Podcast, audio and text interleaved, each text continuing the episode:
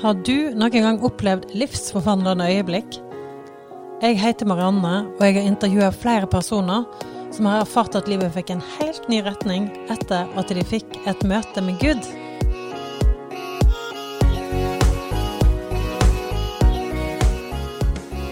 Jeg bor i Oslo, jeg jobber som familieveileder, og jeg har alltid likt å høre folk sine historier. Og særlig hva som skaper de store og de gode endringene. Og I denne episoden her så er det Reza som skal fortelle sin Du historie. trenger ikke å være så kristen, liksom. Jeg skjønte jo ikke greia. liksom, Så kristen. Vi må jo Gud fins. Jesus har helbreda meg. Han har vært på rommet mitt. Hallo, hallo. Hallo. Hei, hei. Hva er det du heter? Jeg heter Reza Ali Mohammadi. Velkommen til eh, Vendepunkt-episode. Takk skal du ha. Jeg er så glad for at du kunne bli med her i dag. Hyggelig å være her. Ja. Og um, jeg gleder meg til å høre enda mer om ditt vendepunkt, for jeg vet at du har, har opplevd et stort vendepunkt i livet ditt. Det er sant. Ja. Har jeg. Men litt før, kan du bare fortelle litt mer om deg sjøl? Jeg eh, er 33 år gammel, er gift med Stine Helen. Vi har ei datter på to år, og ei i magen, så vi venter i februar. Uh, Ja, så det gleder vi oss veldig til. Ja. Og så jobber jeg eh, som pastor i Kristent Fellesskap eh, Oslo, menighet Mhm. her i byen. Det har jeg gjort eh, de siste to og et halvt årene. Og så er jeg utdanna sivilingeniør, og så har jeg bytta beite og jobber som pastor, så det trives jeg også veldig godt med. Selv om jeg av og til savner ja. ingeniøryrket. Det er jo litt sånn stor eh, endring, da, kanskje, i yrkesvalg, eller? Absolutt, det er det altså. Det er, det er veldig annerledes, faktisk. Ja, Det er det. Men jeg trives godt. Hva vil du si er den største forskjellen? Altså, når du jobber som ingeniør, så er det veldig mye mer teknisk og veldig mye mer konkret, føler jeg. Ja. Som pastor så kan det også være konkret, men når du jobber med mennesker, så er det liksom ikke to streker under svaret alltid. Nei. Du kan ikke gjøre det på samme måte. Så det er, merker jeg, det er liksom litt mer flytende, føles det. Ja. Ja, den ser Mm. jeg. Jeg lurte òg litt på om du hadde Har du en sånn type ja, fun fact? Det trenger ikke være så morsomt. da. Fun fact om deg sjøl. Altså Hvis jeg skulle sagt én ting som jeg bare kommer på, er at eh, jeg har en veldig sånn uh, guilty pleasure, og det er X-faktor. Sånn eh, norske talenter Ja. eller eh, ja, Americans Got Talent. Mm. Jeg syns det er så rørende å se folk som kommer på scenen og er liksom underdogs, og så gjør du noe veldig spektakulært. Da kan jeg sitte der for meg sjøl og gråte, faktisk. Så det er liksom litt kleint, men det er liksom når jeg er litt sliten eller liksom ja, trenger å få opp stemninga, så kan jeg faktisk skru på det og sitte og se på det. Så um, det er kanskje min eh, greie, da. Ja, men jeg, det, jeg syns jo det er spennende sjøl, så jeg forstår det faktisk. Ja. Men det er jo litt gøy at du er litt sånn Det er der du går for å ha det gøy, liksom. Ja, det er, det er rart, det jeg veit. Det, det, det hender, altså. Det gjør det. Ja, skjønner. Men jeg har jo fått anbefalt å snakke med deg av noen jeg kjenner. Kort fortalt, hva er det ditt vendepunkt handler om? Mitt vendepunkt er vel, eh, hvis jeg skal ha det veldig veldig korte trekk, så hadde jeg noen smerter i kjeven min. Jeg hadde hatt det en stund. Det var så vondt i perioder at når jeg spiste, så, ja, så var det smerter. Og en dag så hadde jeg så vondt at det, å snakke var vondt. Og så hadde jeg en sjef som var kristen, som eh, plutselig ut av det blå spurte om han kunne be for meg. Og jeg var jo høflig, og han var sjefen min, så jeg takka ja. Og så la han hånda si på kjeven min, så sa han Jesu navn, bli frisk. Og jeg snudde meg for å gjøre jobben min videre, og så opplevde jeg plutselig at jeg blei momentant frisk. Så det var liksom det som gjorde at jeg, jeg ble helt satt ut. Og det gjorde at jeg måtte forholde meg til det her. Og da begynte på en måte min reise med Jesus. Selv om jeg tror det starta før, men det var kanskje det som utløste det skikkelig, da. Spennende. Mm. Veldig spennende. Så der gikk du og hadde vondt i kjeven. Mm. Skikkelig vondt i kjeven. Yes. Fra den ene dagen til den andre dagen, så var, eller bare etter den bønnen, så ble smerten borte. Helt borte. Ja, det må jo ha vekt mange tanker hos deg. Absolutt. Mm. Det gjorde det. Eh, Jeg blei veldig nysgjerrig. Ja. Men eh, det hadde vært spennende å høre. fordi hvor gammel var, sa du at du var når du opplevde det? Jeg var 17 år når ja, det skjedde. Mm. Kan du bare si litt om livet ditt, hva som preger livet ditt før denne hendelsen? Eh, liksom, hvor bodde du? Hva trodde du på? Hva var hverdagen din? Ja, altså som jeg sa i starten, så heter jeg jo Reza. eh, Og det er ikke et eh, veldig norsk navn. Nei, ikke så veldig. Ikke så veldig. Eh, Jeg kommer opprinnelig fra Iran, foreldrene mine er derfra. Og jeg vokste opp der. Jeg var sju år når vi flytta til Norge. Eh, Kom som asylsøkere.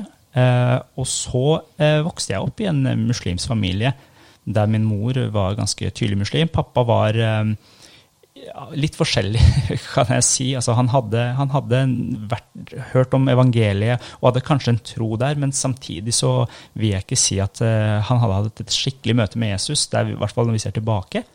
Uh, og så vokste jeg opp som en, si, en vanlig norsk ungdom, der jeg gikk på skole, hadde venner der, uh, spilte fotball. Og gjorde det ganske greit, hadde lyst til å satse. Det var liksom store guttedrømmen, som det, som det er for mange andre også, men hadde virkelig lyst til å satse. Og så hadde jeg lært av min bestemor, som er muslim, å be en arabisk bønn, som jeg gjorde hver kveld.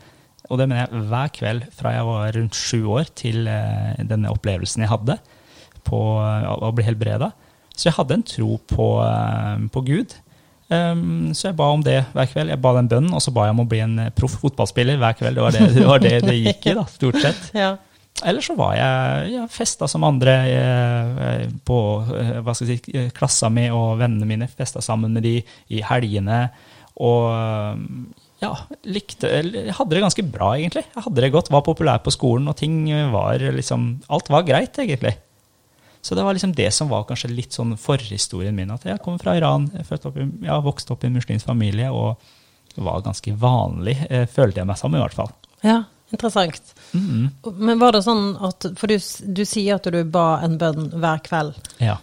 Men um, had, hvem retta du den bønnen til? Var det den muslimske guden, eller var det til en sånn du gud der ute? Nei, det var jo, det var jo veldig tydelig det, til, ja. til, den muslimske ja. guden. Det var til Allah, altså. Mm. Det var det. Jeg ba mm. den faste trosbekjennelsen hver kveld. Ja, skjønner. Og var livredd for å glemme det. Så jeg husker et par kvelder jeg sovna. Og da var jeg så redd for at jeg skulle bli straffa, så da våkna jeg opp, ba den igjen, og så la jeg meg med god samvittighet. Hadde du noen tanker om Gud, eller om den kristne guden? Tenkte du mye? Det hørtes ut som du bare hadde det kjempegøy, var avslappa, hadde det gøy på skolen, ville bli proff. Men tenkte du noe mer rundt dette med tro? Altså, jeg har vokst opp i en, eh, både en kultur som er opptatt av at det fins en gud, eh, men den troen jeg hadde, var litt sånn Altså, det, livet mitt uh, Måten jeg levde livet mitt, hadde ikke så mye med den troen å gjøre.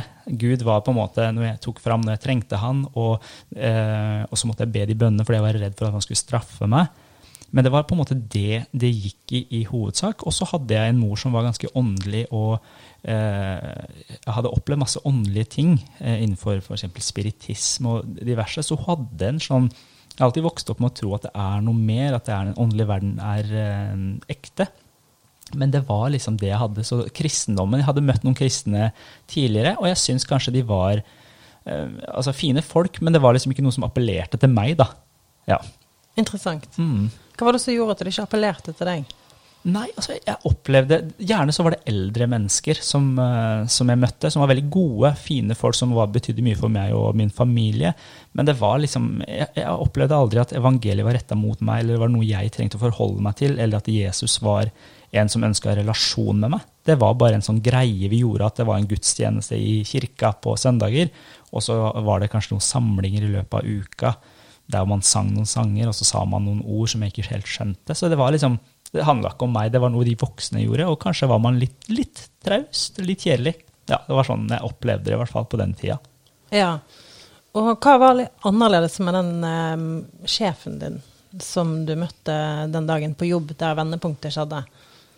Altså, han var jo Det var en ung fyr. Han var noen år eldre enn eh, meg og de andre som jobba der. Og så var han Han er en eh, skikkelig fin fyr. Han brydde seg om oss, det var veldig tydelig. Og så husker jeg at på den tida så var det en uh, sang av Foo Fighters som heter Best of You, som var veldig populær. Og den digga jeg, og det gjorde han òg. Og jeg skjønte ikke åssen det gikk an at han var kristen og så tydelig på det han trodde på. Så hørte han på det. Så det var liksom litt artig. da, Jeg blei litt nysgjerrig på han. Og så var han veldig frimodig med troa si. Han delte om den uh, når det var tid. Men samtidig så han, hadde han respekt for oss. At det var ikke sånn at han prakka ting på oss. Han, liksom, han fortalte om det han hadde opplevd, og spurte hva vi tenkte. Så det var liksom ja, kanskje en, en, av de første kristne jeg møtte som var ca. på min, min, alder.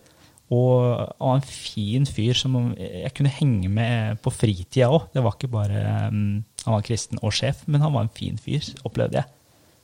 Så det hørtes ut som måten han levde livet sitt på, vekte en slags nysgjerrighet? Absolutt. altså. Det gjorde det, selv om jeg var tydelig på at eh, ja, ja, de, vi, vi har ikke samme religion, eh, og du kan ha de greiene dine. Eh, han drakk ikke alkohol, og det var liksom utenkelig for meg. Jeg måtte jo alltid ha det på fest. Så det var et par sånne ting som gjorde at nei, nei, det er din greie, og det er min greie, men du er en kul fyr, og jeg digger å henge med deg. Det var liksom Ja. det det gikk i, da. Interessant. Mm. Og så var du jo kommet Fordi dette her var i Bø i Sommerland. Stemmer. Og du kom Hvor lenge hadde du, hadde du hatt vondt i kjeven din? Å, det er et godt spørsmål. Jeg husker liksom ikke hvor Nei. lang tid det hadde vært, men det hadde vært en eh, Kanskje noen måneder at jeg hadde hatt eh, smerter i kjeven, altså. Og så den dagen på jobb hadde det toppa seg veldig? Eller? Ja, det hadde det. For jeg husker at jeg, i lunsjen så var det ikke noe deilig å spise. Og så når jeg kom tilbake fra lunsjen, så gjorde det såpass vondt at jeg ville ikke snakke med kundene. fordi jeg, jo mer jeg snakka, jo mer vondt gjorde det egentlig. Var det sjefen din som oppdaget det, at du hadde så vondt, eller var det bare at du måtte si fra 'hallo, jeg har så vondt', eller 'jeg må gå hjem'? Eller, hvordan, hvordan, skjedde denne forbundssituasjonen? Ja, altså, det, det som skjedde, var egentlig at jeg kom tilbake fra lunsj, og så sier han Reza, det er din tur til å stå i kassa. Eh, Jeg jobba på et kjøkken der vi lagde hamburgere og chips og pølser og litt diverse. Eh, og jeg, altså, så jeg spurte han rett og slett du, jeg har så vondt, kan jeg få lov å stå bak og lage hamburger i dag istedenfor å stå i kassa? Og du kan tenke deg, vi var kanskje åtte-ti personer på det kjøkkenet. Masse styr. Det var liksom roping. Dobbeltskisburger her, enkelburger her, vi trenger pommes frites, cola Det var liksom fullt kjør. Og så midt i det kjøret så sier han bare 'kan jeg be for deg'? Så jeg vet ikke om de andre rundt meg oppdaga det, at vi stoppa opp. Eh, Så det var bare at han skulle være grei, egentlig. At han eh, jeg hadde vondt, og han så et behov, og så Mm. tenkte han 'la meg be for ham'. Så enkelt, egentlig. Og hvordan eh, opplevde du å få et sånt spørsmål midt i en sånn hamburger i laging, og midt i, i gjengen? Jeg, tror ikke jeg syns det var så rart. Altså, jeg, jeg tror ikke det. Fordi eh, han hadde jo fortalt om sånne helbredelser og mirakler før. Og så var det kanskje litt kult. Og så, og så var han sjefen min, eh, og det var liksom vanskelig å si nei. Men jeg følte det ikke som noe press eller noe jeg ikke ville. Det, det gjorde jeg absolutt ikke. Nei. Og husker du noe fra altså, selve den bønnen? Husker du om du merker noe i det han ba, eller hvordan Ja, godt, altså, jeg, jeg, husker, jeg husker at det var veldig kort. Det var liksom ikke noe, Han tente ikke noe lys eller eh, holdt ikke på med noe crazy opplegg. Nei, nei, nei. Det var liksom raskt, det var i så når han blir frisk. Og så husker jeg veldig godt at jeg tenkte takk for det her. Jeg snudde meg for å jobbe videre, og da kjente jeg at det skjedde noe rart inni kjeven min. Så jeg husker veldig godt at jeg snudde meg tilbake til han og sa 'hallo, det skjer noe inni kjeven min', sa jeg til han. Så kult. Og han var jo ikke så overraska. Han bare, ja, det overraska meg også, men han var ikke så overraska. Han sa bare 'ja, jeg ba jo for det'. Selvfølgelig. Ja, så Ja, kult. så, ja, så, det, så enkelt var det. altså. Det var liksom ja, enkelt og greit. Jeg begynner bare å tenke på at det, sånn, Nå ler jo jeg jo veldig sånn oh, wow, så jeg høres jo nesten ut som jeg er overraska. Men eh, det er jo helt sant. Mhm. Det er jo, eh, det er jo eh, Gud sier jo 'be, så skal du få'. Ja. At det er kraftig bønn. Mm. Men tror du, det noe, tror du at mange kristne kan glemme det? Eller at man kan lett glemme det? Ja, ja, ja. Jeg, jeg, jeg, jeg merker selv, jeg er jo pastor, så jeg bør i hvert fall ikke glemme det her. Og det gjør jeg av og til. Ja.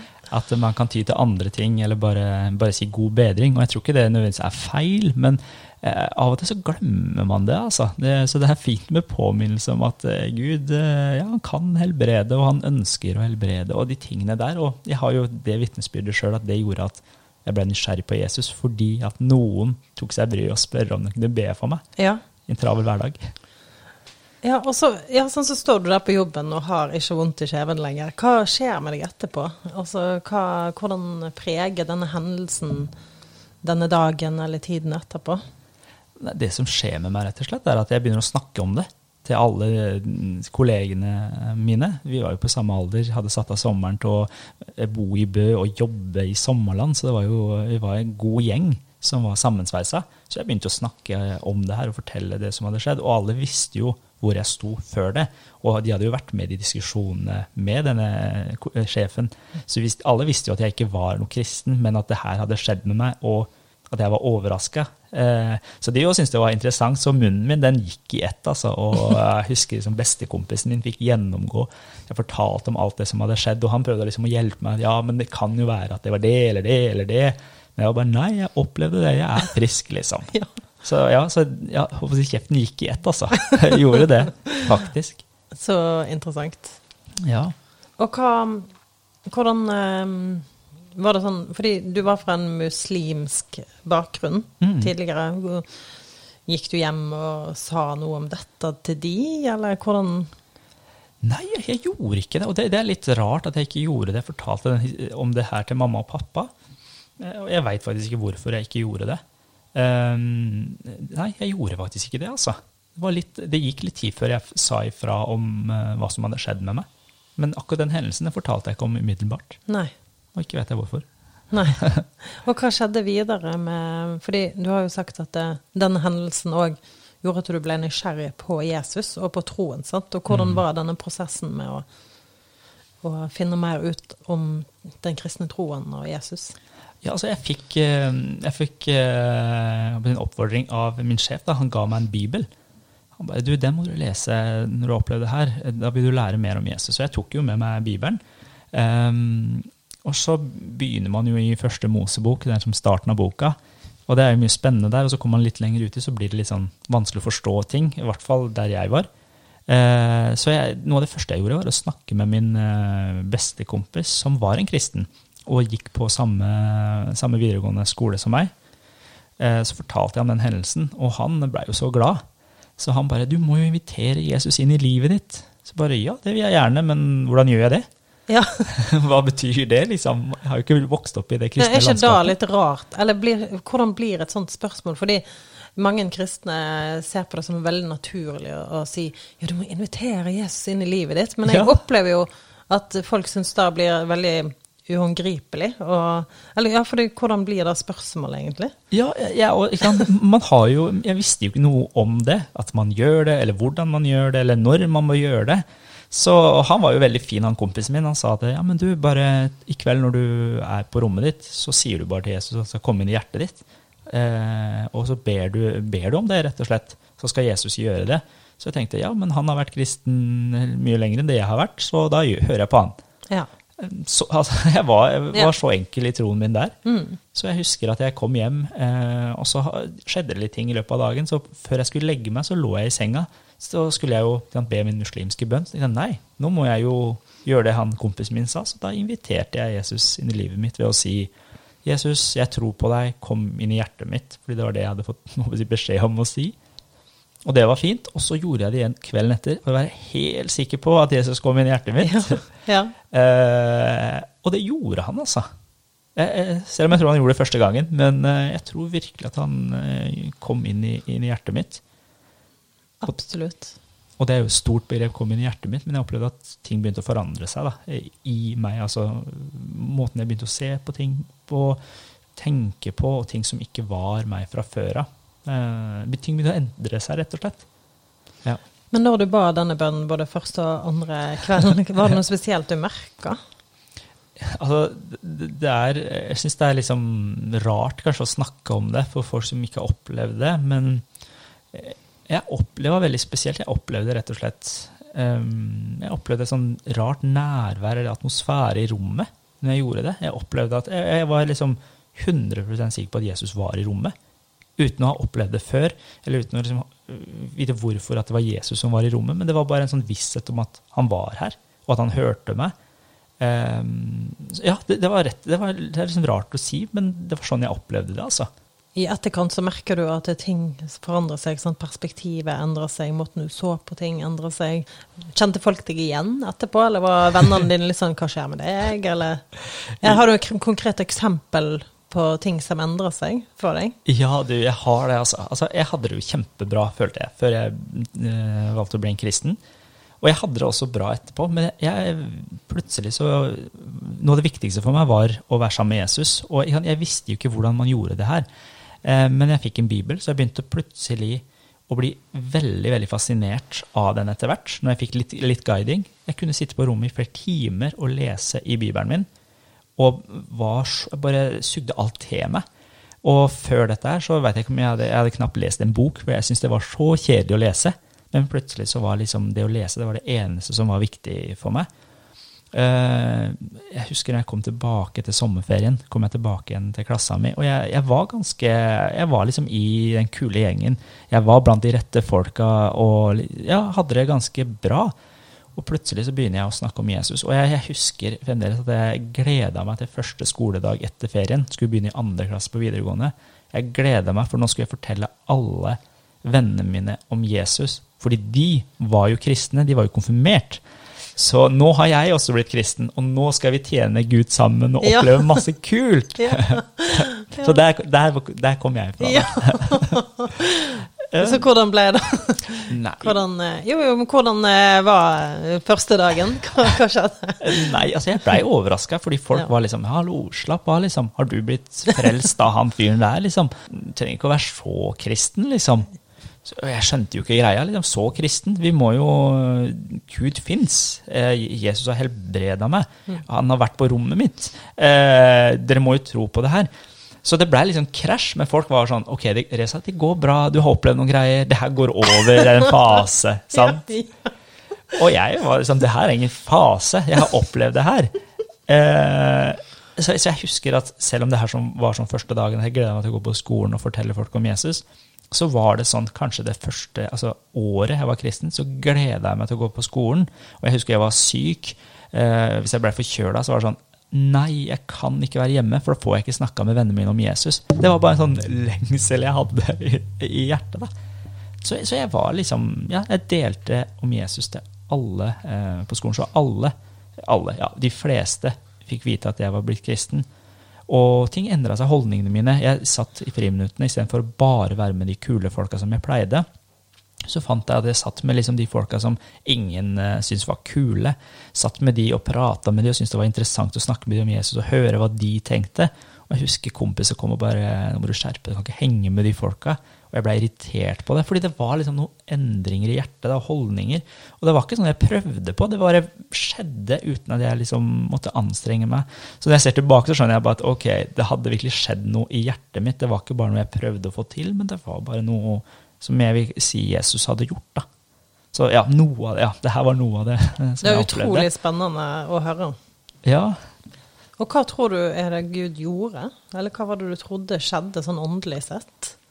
Nei, altså For meg så ble det veldig veldig tydelig eh, når jeg leste i Bibelen og leser om det Jesus snakker om, eller Paulus snakker om, at eh, man går fra mørket til lyset.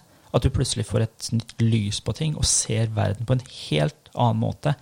At jeg kunne dra på fest og eh, være sammen med vennene mine der og synes synd på dem fordi at de holdt på med det de gjorde. Og jeg, liksom, jeg dro på fest for å hjelpe vennene mine. Det var derfor jeg var der. Eh, så, så, jeg kjente plutselig at jeg var den som syntes det var gøyest å drikke mest mulig, bli fullest mulig, gjøre masse forskjellig, til å gå på fest og liksom ta meg av vennene mine. Eh, så jeg opplevde virkelig det, og det, det ble liksom så sterkt at jeg hadde gått fra å være blind, som Bibelen kan si, til å se. Og det, litt, ja, det ble en realitet. Det var ikke bare sånn klisjé og en sang man sang, men det var en realitet for meg. Så, ja, så det var det det gikk. Altså, jeg snakka om det hele tida. Men, men, de vennene som du har gått med og kjente deg over tid Altså, fordi du sier at du, du snakker om Jesus hele tiden. Så var det noen som ble lei? ja da, absolutt. det var det, altså. Og en av mine absolutt nærmeste venner som ikke var kristen, som jeg hang med ja, nesten daglig, han blei så lei, husker jeg, og, og sa at det, ja, han, han, ville liksom ikke henge så mye med meg lenger. Så vi mista jo det vennskapet. Jeg mista det vennskapet, og flere vennskap egentlig, i det løpet av den tida der. Og jeg syns jo det var kjipt, fordi jeg hadde jo lyst til å på en måte stå i det her sammen med de jeg var så glad i. Men det bare gikk ikke. Og det blei liksom Jeg syns det var kjempekjipt og trist. Og, og at man blei liksom sett ned på av de som man sto så tett med. Men allikevel så hadde jeg liksom en overbevisning og en sånn eh, opplevelse av Jesus at ok, det var det Jesus snakka om, at alle ville hate oss for at vi tilhørte han. Så det Jesus har sagt, det, da må jeg bare forvente at det skjer. da, Og nå skjer det. Ja, men da, da, da var det sant, det Jesus sa. Så det var liksom, jeg hadde den holdningen til det. Selvfølgelig var det kjipt, det, det var det, altså. Mm. Eh, men seinere så har jeg fått eh, god kontakt med noen av de vennene jeg sto nærmest med, og har kontakt med de den dag i dag. Så bra. Og er det noen som eh, ble nysgjerrig på troen? Av de du omgikk, ble omgå... Nei, hva omgikk? Ble, Ja, ja. De du hengte med, var det noen som på en måte ville ha mer og ble nysgjerrig på troen? Det, det var det, altså. Det, det var det. Jeg, jeg var med og ledde flere kompiser til, eh, til Jesus, så, der de tok imot Jesus og ville ha det her. Og vi, vi arrangerte plutselig, så fant vi ut at du, det her må jo alle høre om. Så meg og et par andre, vi arrangerte sånn, eh, et møte i gymsalen der vi inviterte alle på skolen til å komme og få eh, boller og være med i konkurranse. Eh, for at eh, de skulle høre om Jesus, og jeg fikk fortelle historien min. Så, så liksom, vi delte det ut til alle og enhver, og vi opplevde ja, flere. Vi begynte å be for folk på skolen vår som vi kanskje opplevde som de verstingene. Og vi så faktisk noen av de ta imot Jesus. Så, vi, ja, så vi, det var mange som ble nysgjerrige, og flere som tok imot eh, ja, Jesus. Ble det noen reaksjoner da, eh, når, man, når dere arrangerte på skolen og ba for folk på skolen? Var det Mm. Ja, altså det, det, det var Lærerne var eh, Det gikk stort sett greit. Vi hadde en lærer som var kristen, eh, som på en måte kom og backa oss litt, og liksom eh, jobba litt bak kulissene. Så det var veldig veldig fint å ha henne. Men det var jo andre elever som reiv ned plakater som vi hengte opp, og ting, og skrev stygge ting og banneord og sånt på de, sånn som, sånn som, er kanskje ikke så, som ikke er så uvanlig. da. Så det opplevde vi. Men det var liksom, ja, det måtte vi bare regne med. Ja. Ja. Og nå, nå, nå, eh, Hvor mange år er det siden denne hendelsen nå? Fordi Du sa jo litt innledningsvis at du nå var 33 år, husker jeg riktig? ja. Så da do the math, liksom. Ja, Da bør- ja. 16 år blir det vel? Fuck. Ja. Ja, jeg tenker ja. Ja, nå måtte jeg òg tenke. Så Ja. det var, ja, nå, dette er 16 år etterpå. Når du ser tilbake på denne hendelsen og hvordan livet har vært i, etter, i ettertid, Mhm. er det, hva sitter du igjen og er takknemlig for? Altså, jeg er takknemlig for alle de folka som, som var, eh, var der for meg. Jeg, for jeg fikk f.eks. ikke lov av mamma og pappa å være med noen kirke i starten. Jeg var 17 år, jeg fikk ikke bestemme sjøl. Jeg har blitt hjernevaska av de kristne. Så jeg hadde min si, beste kompis som var kristen, så han var veldig viktig for meg. Eh, fikk stille han spørsmål, ting jeg lurte på. Kjempeviktig. Og så eh, hadde jeg også noen eh, som på en måte ble mine åndelige foreldre. Eh, som jeg også brukte en del tid sammen med. måte, Som jeg kunne stille spørsmål, kunne se måten de levde på. Så liksom folk som var der og investerte i meg, og var tålmodige med meg, det, det tror jeg er noe jeg er mest takknemlig for. altså. At eh, ja, folk hadde troa på meg. Selv om jeg ikke skjønner hva de, hva de så eh, på den tida, så, så var jeg så takknemlig for de. Og så er du jo um, Og så hadde du en familie fra en, en muslimsk bakgrunn. Og hvordan tok mm. de dette med at du hadde tatt imot Jesus? Ja. Altså, det som skjedde, var først og fremst at jeg, når jeg tok imot Jesus, så, så som jeg sa, sa innledningsvis, så, jeg jo, så fortalte jeg ikke om helbredelsen til mamma og pappa. Jeg veit ikke hvorfor. Men jeg begynte å bruke en del tid på rommet mitt i lovsang, i bønn og med Bibelen. Og lillesøstera mi, som er ca. åtte år yngre enn meg, kom inn på rommet. Hun var ni år på den tida og syntes det var liksom en stor forandring med meg. Og hun eh, skrev et brev til meg for noen år tilbake, når hun var, var i utlandet. Så skriver hun at jeg husker fremdeles den første gangen jeg kom inn på rommet ditt. Eh, det du hadde tatt imot Jesus. Og når jeg kom inn i det rommet, så var det en sånn atmosfære av Guds nærvær som gjorde at wow, jeg måtte bare jeg måtte bli med og være i det rommet. Og hun tok jo imot Jesus ganske rett etter meg, da. Så vi, så vi jo, så vi, vi tok imot Jesus og var veldig fornøyde, så vi sa ifra til mamma og pappa at nå har vi blitt kristne, og vi skal være snille og fine folk. Jeg, liksom, jeg var på fester, så kunne jeg liksom si til mamma at vi skulle bare være hjemme hos en kamerat og bare spille PlayStation. Og så havna jeg i nabobygda på fest, og så måtte mamma og pappa komme og hente meg. Ikke sant? Fordi jeg hadde drukket og sånn. Eh, så sa jeg at da skal jeg liksom legge bort det livet der. Jeg skal bli en ordentlig gutt, og jeg skal være skikkelig. Men det var ikke greit. Det, mamma, og pappa bare, mamma spesielt, og hun var der. Du er født muslim, du skal dø muslim. Ja. Så det var den holdninga hun Mm. hadde, da. Mm. Så, så det var litt sånn eh, det var, det var litt sånn spesielt at de ikke ville ta imot det her. Så da blei det sånn at eh, jeg og lillesøster hadde hemmelige møter på rommene våre der vi leste Bibelen sammen, ba sammen, ba for foreldra våre sammen. Og kom mamma og pappa inn, så måtte vi altså vi måtte gjemme bibler og, og måtte, si, se opp i taket og late som vi gjorde noe annet. Fordi at det var strengt. Vi fikk ikke lov å snakke om Jesus. Og i hvert fall jeg fikk ikke lov å påvirke lillesøstera mi etter at jeg hadde blitt hjernevaska. Ja. ja. Så det var, det, var, det var spesielt. Mm. Men det òg var liksom igjen ja, jeg hadde opplevd noe som gjorde at eh, ok, mamma og pappa, dere må bare forstå at det her er sant. Så jeg er sikker på at nesten hver, under hver middag det, årene etter, når jeg bodde hjemme, så snakka vi om Gud og Jesus og islam, og hvorfor islam var feil, eller hvorfor islam var riktig, og hvorfor kristen Altså, det var i samtalene vi hadde. Eh, så jeg tror mamma og pappa, eller jeg veit at mamma og pappa, spesielt mamma, var ganske lei um, alt det Jesus-snakket. Mm. Mm. Ja. Men var det noe er det, Også når man er fra en ba muslimsk bakgrunn, hvordan er det egentlig sånn generelt sett? Det kan, mm. At noen av barna blir kristne? Ja. Altså, jeg må jo si at mamma og pappa har vært eh, altså Veldig mange fra Iran spesielt da, er jo blitt såpass lei den eh, religionen og det de har fått på en måte trykk nedover halsen av eh, ting man skal gjøre og ikke gjøre, at de er ganske åpne for mye. Selv om de kaller seg muslimer, så kan det være mye kultur, kultur i det. Og det tror jeg også mamma og pappa kjente på. Eh, men samtidig så er det jo det her presset. Man har venner fra Iran, man har familie fra Iran. Og at sønnen deres, eldstesønnen i tillegg, skal bare velge noe helt annet. Og på en måte, ja, det, alt det vi har gjort for deg, det offeret vi har gjort å flytte fra Iran, og, og religionen vår og kulturen vår, det var ikke godt nok for deg. Eh, å eh, mm, oppleve at jeg på en måte ja, ikke, At ingenting av det her er godt nok var jo sårende, og det var derfor de ønska at jeg skulle bli der. Og selv om min mor var veldig veldig tydelig på det, så var pappa litt mer sånn Han hadde jo opplevd ting sjøl også, så han var litt der sånn Ja, men les begge bøkene. Gjør, ja, finn ut av det her sjøl. Eh, mens mamma var tydelig. Det her er ikke snakk om. Du får ikke lov å henge med de kristne. Du, du, du. Så det var, det, det var, tydelig, altså. Det var, det var ikke noe tull der. Det var ikke det. Men hva gjorde det med deg? Da at du ikke fikk eh, At du fikk litt sånn splitta støtte?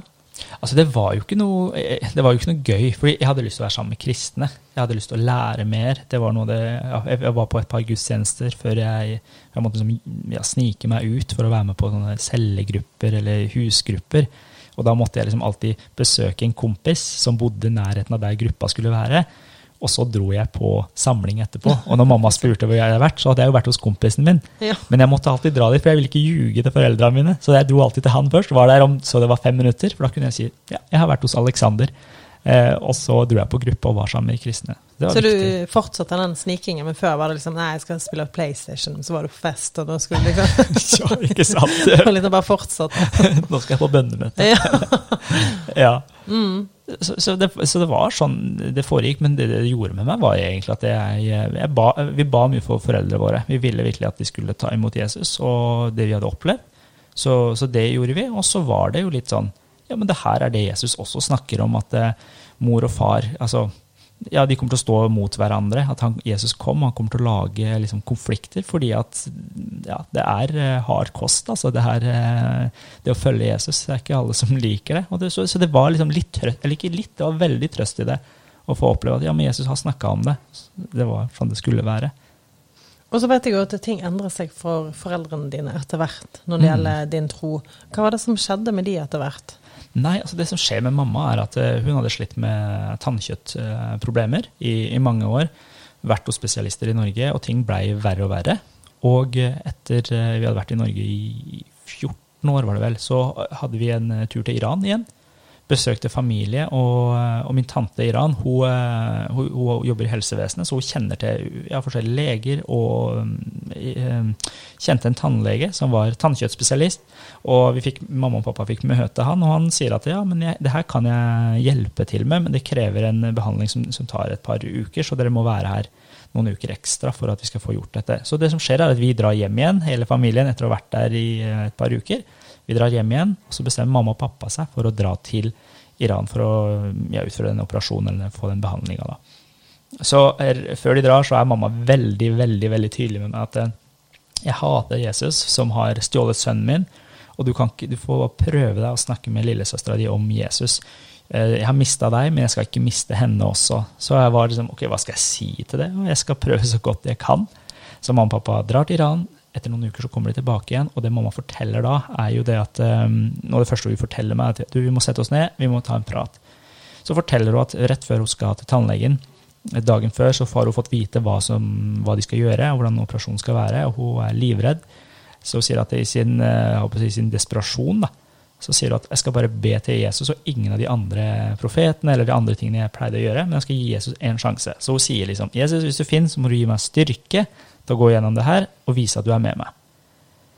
Og så går hun til tannlegen dagen etter, eh, skikkelig redd, eh, setter seg i stolen, og når tannlegen skal hente utstyret han skal bruke, så ber hun den samme bønnen igjen. Jesus, gi meg styrke til å gå gjennom det, vis at du er med meg. Og da da sier hun at hun kjenner en sånn ekstrem varme som kommer over hele henne. Hun blir ekstremt varm, og så sier hun at hun opplever at det kommer eh, ja, Hun ser ikke, men det kommer noen og gir henne en klem og sier 'jeg er med deg' i den stolen der. Og mamma beskriver at den første dagen av eh, prosessen der, så satt hun i den stolen i tre timer. Og ofte måtte hun lukke opp øynene for å se hvem som holdt rundt henne. For det var så sterkt nærvær av fred og en sånn klem at det var noen som bare var med henne. Så vi sitter jo der i stua, og mamma forteller at 'jeg tror han fins'. 'Jeg vet han lever, og det du har sagt, er sant'. Og ikke sant, de drar ned. Hun er sint på Jesus og, og, og meg og alt som er. Til at hun kommer hjem og bare gråter og forteller at 'jeg tror at Jesus fins'. Så det blei en sånn kjempe kjempe, kjempebønnesvar for oss. Skikkelig rått. Ja, så vi var jo helt i hundre, og alle hadde jo hørt om at eh, vi hadde noen nordlendinger blant oss, så de sa jo at eh, mor Teresa har blitt frelst. så mor Teresa har blitt frelst, så det var veldig eh, morsomt. Mor Teresa. Ja. Mor Teresa har blitt frelst, endelig. ja. Det var gøy ordspill. Ja, så det var, det var veldig stort altså, for oss. Det var det virkelig. Ja, det må det ha vært. Det var det. Hvordan reagerte søsteren din på det? Ja, Vi var jo, altså vi hadde jo vi hadde opplevd at det var som, en venn som hadde sendt oss en melding og sagt at vi opplever at Gud gjør noe godt i familien. Sammen, vi står sammen med dere i bønn. Og pga. at vi fikk det ordet der, selv om alt bare så helt håpløst ut, mamma var sint og irritert på alt som hadde med Jesus å gjøre, så ba vi. Vi bestemte oss for en ca. to måneder i forveien. Så ba vi hver kveld, nesten hver kveld, så møttes vi på rommet. Ba en kort bønn om at Jesus skulle ja, frelse mamma og pappa. Så for oss så blei det bare sånn Yes, det var et ord fra Gud, og det var et bønnesvar vi fikk. Stilig. Mm. Og faren din, da? Hva skjedde med han når eh, dette skjedde med moren din? Da uh, så ble vi så overraska, for pappa tok mer avstand. For vi tenkte at når mamma kommer uh, til Gud, så tror jeg pappa også vil nærme seg. Men han var bare litt sånn OK, dere har funnet ut deres greie. Dere får holde på med det. Uh, mamma ville jo gå på gudstjeneste og møte andre kristne. Så var pappa bare ja, men dere gjør deres greie, jeg gjør min greie. Uh, og så, så, det var litt sånn kjipt, syns vi, da, for pappa ble liksom mye mer lokka etter at mamma ble kristen, faktisk. Ja, interessant. Ja, Så det var liksom overraskende for oss òg. Ja. Det blei det. Uh, men det som skjer med pappa, da, er jo at vi uh, Det er en påskekonferanse i Bergen som menigheten arrangerer, arrangerte årlig. Og i påskeferien så hadde mamma veldig lyst til å dra dit. Vi hadde veldig lyst til å dra dit, jeg og søstera mi. Men pappa var litt sånn OK, deres greie igjen. Eh, så vi måtte jo spille på det her at eh, familien er viktig, og det, det, det, det tror vi det er. Men vi måtte jo liksom selge det inn til han at pappa, vi drar ikke noe sted uten deg, og det er påskeferie. Du må jo bli med, du kan ikke være hjemme uten familien din. Du må bli med. Så vi lurte han litt med da, til å bli med på denne påskekonferansen ja. um, i Bergen. Et par dager, det var vel tre-fire dager det holdt, holdt på tydelig forkynnelse om at Jesus er den eneste vei til Gud. Og, eh, ja, tydelig, ja, det var veldig tydelig forkynnelse, husker jeg. Um, og så var jeg liksom Jeg turte ikke å snakke med pappa de første dagene etter konferansen, eller liksom første dagene ute i konferansen. Så jeg var liksom hei, hei, og liksom snakka om alt mulig annet, men ikke hvordan han opplevde det her. fordi jeg visste ikke hvordan jeg skulle gjøre det, rett og slett. jeg skjønner. Um, ja, Og så gikk det, jeg lurer på om det var tredje dagen, på, eller på kvelden, så satt vi i kafeteriaen. Det var en venn som skulle komme og si ha det til meg. Ja, hvis jeg sier morgendressa, og ser den pappa. Så han hilser, eh, skjønner at det er pappaen min, og det er mange som har vært med og bedt for familien min. Så jeg spør åssen han syns det er å være på konferansen. Jo, pappa syns det var fint å være på konferansen. Jeg blir litt overraska. Og så sier han eh, ja, er du en kristen da? Nei, det er jeg ikke. Nei, har du lyst til å bli en kristen? Nei, det er jeg ikke. Eh, og så ender det plutselig med at han setter seg ned med oss, og så begynner de å prate pappa og han. Og pappa er en sånn tenker. Han har vært realfagslærer, han skal forstå alt. Og så begynner han å adressere hjertet hans, og mens vi sitter her, så begynner pappa plutselig å, å, å svette i kafeteriaen. Eh, som er litt rart. Eh, det var ikke så varmt der. Eh, han begynner plutselig å liksom, riste litt og skjelve litt, liksom. Eh, og, og det, da driver han og forteller om Jesus og hva Jesus har gjort for oss. Og det her liksom, føler jeg at jeg har sagt til pappa hundre ganger. Men det blir på en måte noe, noe, helt nytt over det når den personen her deler det og adresserer ting som, som er ganske personlig for pappa, som han egentlig ikke kunne visst. Og så spør han bare ja, men du vil jo egentlig ta imot Jesus, vil du ikke det, da? Og så knekker jo pappa sammen. Jeg vet ikke om jeg har sett pappa gråte før, men han knekker sammen og bare ja, jeg vil ta imot Jesus. Oi. Så i kafeteriaen der så, så leder vi pappa til Jesus, og han gir livet sitt til Jesus. Og, og det som var morsomt, det du, kan, det er jo at folk som sitter i kafeen eh, der, visste jo at vi satt, at det var pappa, at det var pappa, og at han mannen han var en evangelist. og vi der prata, liksom. Så når vi liksom tar tøms opp at yes, det er bra pappa har blitt kristen, så reiser folk seg og klapper. Så det ble en rar stemning, men det var morsomt. Folk sto med. Det ble hallelujastemning. Det ble blei hallelujastemning, ja. Det blei det. Ja, det var, hørtes jo helt rått ut. Dette her er jo eh, vendepunkt på vendepunkt. Ja, det er sant. Ja, det blir jo ofte en sånn eh, trippel-effekt av eh, når Gud gjør noe, så blir det ringvirkninger. Det er sant. Mm. Mm. Hva er det du opplever er eh, eller folk som har en muslimsk bakgrunn eller er muslimer, eh, sin største motforestilling mot eh, kristendommen og Jesus? Altså, jeg, jeg tror det er mange, mange motforestillinger der. Eh, eh, og, og jeg tror vi kan henge, opp, henge oss opp i mange av disse teologiske tingene som går på eh, Jesus er han Guds sønn, eller treenigheten. Og jeg tror absolutt at de tingene der er viktige å ta tak i. Men jeg tror kanskje et av de største hindrene er at vi som kristne eller muslimer kanskje ikke har møtt så mange disipler av Jesus, hvis det går an å si det sånn. De møter eh, den vestlige kulturen og den vestlige kristendommen, som kan være hva som helst. Og så tror de at det er kristendommen, og det er det de kristne står for. Og det gjør at man får en sånt eh, hva skal jeg si, avsky. Det blir kanskje feil ord å bruke, men man tar i hvert fall avstand fra det. Fordi de har vokst opp i å leve et slags hellig liv. Og veldig mange muslimer lever ganske fine og har god, god moral på veldig mange ting. Så når de møter kristne som skal være etterfølgere av Jesus, eller sier at de er kristne, men lever helt, eh, altså lever, si, dårligere liv, hvis det går an å kalle det det, så blir det liksom en sånn greie sånn som kanskje jeg også opplevde at det her er ikke relevant for meg. Men så tror jeg at når de møter kristne som virkelig er eh, etterfølgere av Jesus, som ønsker å leve med Jesus i hverdagene sine, og tør å både snakke om det, men også å, å demonstrere det ved ja, f.eks. å be for uh, sine venner, eller tørre å si at Gud helbreder, så er min opplevelse at ting endrer seg veldig. Og det er spesielt kanskje det som går på en, å ha en nær relasjon til Gud. Det, det, er det ikke mange muslimer som har. Selv om mange kan eh, påstå at de har det, så er det noe helt annet med den relasjonen vi kan ha til Jesus. Det er eh, min opplevelse og min erfaring i, i samtale med muslimer. Um, hva vil du si til de som Ja, de, de, skjønner at det er noe mer mellom himmel og jord. De, de merker det, de senser det. Men de er ikke over, sånn du snakker om denne overbevisningen som mm. du fikk, som det er mange som sliter med. Ja. Har du noe du kan si til de som har det sånn? Jeg tror at uh, Gud fins, uh, og at uh, det han sier, er sant. Og en av de bibelversene som har vært viktig for min del, er at Gud sier at rop på meg, så skal jeg fortelle deg store og underfulle ting. Og det å komme til Gud med et hjerte som er på en måte, eller å søke han et helt hjerte, og virkelig Gud, her er jeg. Jeg har ikke noe plan om at du skal være sånn eller sånn, men vis meg hvordan du er, om du fins. Jeg tror den bønnen der er kjempeviktig. Og så tror jeg at du bør også gi Gud en sjanse, sånn som du gir eh, altså alt vi holder på med, om det er kosthold eller trening eller noe sånt noe. Hvis du bare prøver det én gang, sånn halvveis, du skal bli bedre trent, du får et opplegg, og så går du på trening i fem minutter, så kan du ikke si at det her funka ikke. Eh, men ta og gi det en skikkelig sjanse. Gi Gud en skikkelig sjanse, og se om, eh, om han svarer deg. For det tror jeg han gjør når vi gir han en skikkelig sjanse og søker han av hjertet vårt. Så tror jeg faktisk, det er min Mm. opplevelse og veldig mange andres opplevelse, Ja. at han svarer. Stilig. Så da er oppfordringen gitt.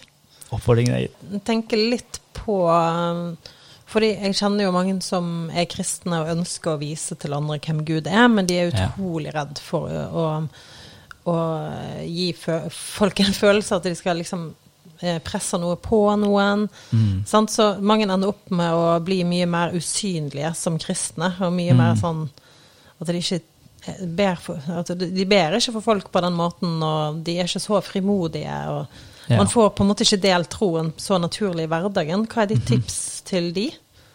Altså, jeg kjenner meg veldig igjen. Det, det er en utfordring. Og jeg tenker start i det små. Det har vært til hjelp for meg at eh, det har vært i jobbsammenheng som ikke har vært masse kristne folk, så merker jeg at folk kan snakke om eh, at de har vært og spilt golf i helga, de har vært eh, på fest og drukket seg fulle, de har gjort mange ting. Så merker jeg at for min del at jeg trenger ikke å presse på at nå må jeg si noe som har noe, altså noe moralsk verdi. Men ok, la meg å dele liv, da. Hva har du gjort i helga? Jeg sa nei, du, jeg var på gudstjeneste og var sammen med menigheten min. Og jeg opplever at der, det ærlige livet, uten at du skal pushe veldig på, da, skaper en sånn, eh, hva skal jeg si, en eh, tillit hos folk. At folk spør om er du kristen, eller hva, hva, gjør du i kirka di? At man får en naturlig samtale. Å er du kristen? Hæ, det trodde vi ikke. Og det å sånn, ha de vanlige samtalene og ikke prøve å være noe man ikke er, tror jeg eh, ja, Det vil jeg si er en, har vært en nøkkel for meg, altså. Ja, det er jeg enig i. For jeg opplever at eh, fristelsen for å underkommunisere troen er veldig eh, overhengende. Mm, absolutt. Eh, hele tiden. Men da bare vet du hva, jeg er den jeg er, og jeg står for det jeg står for, det jeg er stolt over. Og bare ikke pusher på, men bare deler helt naturlig hva man gjorde. Ja. Nei, jeg var på gudstjeneste, jeg var, og hvis folk spør mer, så spør de mer. Hvis de ikke spør mer, så faller det bort. Ikke sant? Jeg, jeg, tror det, det, er en sånn tips som gjør livet mye lettere. Istedenfor at du skal føle på skam og at du er eh, en dårlig disippel. Så gjør det. Vær sammen med Gud. Mm. Be han om å bruke deg, og så bare deler du liv. Det, det, tror jeg er en eh, god start, i hvert fall. Ja. Veldig bra tips. Nei, men uh, da tror jeg faktisk at uh, dette her var så inspirerende. Så fint å høre. Takk for du vil uh, dele din historie. Og jeg tror det er mange der ute som setter pris på å høre den. Så hva skal du i dag, da? Nå skal jeg tilbake til eh, kontoret, der ja. jeg jobber midt i sentrum. Så Skal jeg jobbe litt med ja, litt diverse. Jeg skal ha et par møter snart. Og så har jo du podkast, du òg. Det har jeg faktisk. Hva heter den? Alvorspraten. Hva skal reklamere for podkasten vår. Ja, ja, sant? Ja, altså Alvorspraten heter vi. Hvordan finner folk den, da? Den finner du alle steder der du, får, eh, der du hører på podkast. Mm -hmm. Om det er uh, bruker podkastappen eller Spotify eller andre ting. Og vi snakker jo om uh, litt sånn vanskelige temaer. Vi prøver å ta liksom, relevante temaer, og så prøver vi å snakke om det på en uh, hverdagslig måte. Det er liksom konseptet da, med ja. alvorspraten. Spennende. Ja. Tune in. Tune in, ja. ja. Takk for det. Ja, ja, ok, men da må du ha en god dag på jobb, og så så må dere ha en god dag, eh, dere lyttere, og så snakkes vi jo igjen på neste episode. Eller til neste episode. Ha det. Nei, det var feil.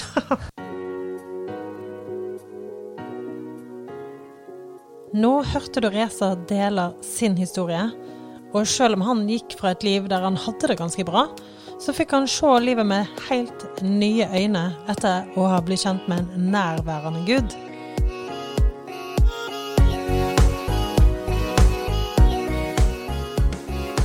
Likte du episoden? Del den gjerne på Facebook eller Instagram. Og hvis du har spørsmål eller kommentarer til episoden, følg og send melding til meg på Instagram-kontoen vendepunkt understrek podkast. Og vil du sjekke ut mer om Gud? Vet du hva, Da anbefaler jeg deg nettkurset 'Velkommen hjem' med Egil Svartdal. Det finner du f.eks. på omgud.nett.